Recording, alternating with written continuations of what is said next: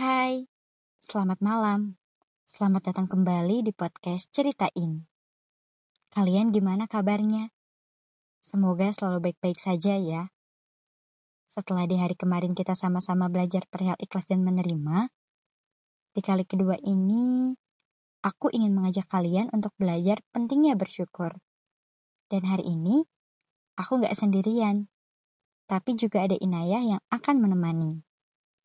Tanpa perlu berbasa-basi lagi, selamat mendengarkan cerita kami berdua.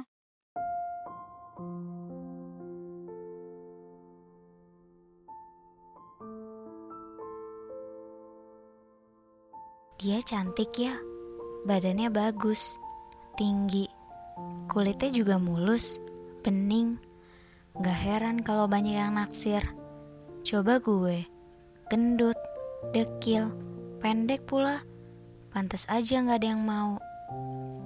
Entah udah berapa kali kalimat-kalimat kayak gitu gak sengaja terlontarkan ketika kita merasa rendah dan kurang. Cuma karena ngebanding-bandingin diri sendiri sama orang lain. Dan tanpa disadari, itu nyakitin diri kita sendiri. Terkadang, kita juga suka jadi minder dan takut gagal kalau mau mencoba hal baru cuma karena melihat orang lain lebih keren dan jago. Gue bisa nggak ya kayak gitu? Orang-orang bakal ngomong apa ya nanti? Kalau gue gagal gimana ya?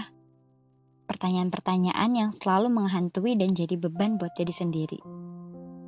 Bukan karena itu aja. Perkara bahagia, kita juga masih suka salah dalam memprioritaskan.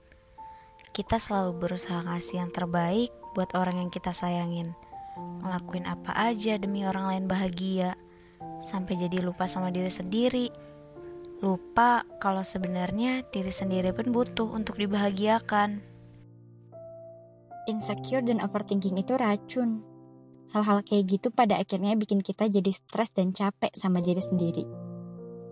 Coba deh pikir baik-baik. Apa gunanya ngebanding-bandingin diri sendiri sama orang lain? Gak ada kan? Terus, mau sampai kapan mikirin hal-hal yang sebenarnya gak harus dipikirin? Buang-buang waktu. Semua orang itu punya warnanya masing-masing. Semua orang punya lebih dan kurang yang berbeda. Dan semua orang berhak untuk bahagia, termasuk diri sendiri. Hmm, mulai sekarang, alangkah baiknya kita coba buat belajar menerima dan sayang sama diri sendiri ya. Mencoba buat selalu bersyukur dengan segala yang ada dan yang kita punya. Emang sih nggak mudah, tapi coba yuk pelan-pelan. Salah satunya dengan selalu merasa cukup, mengapresiasi diri.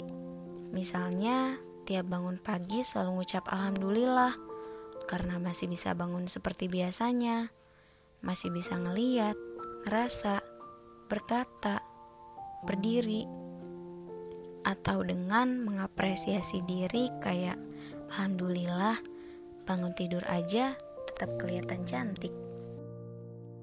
Nah, benar.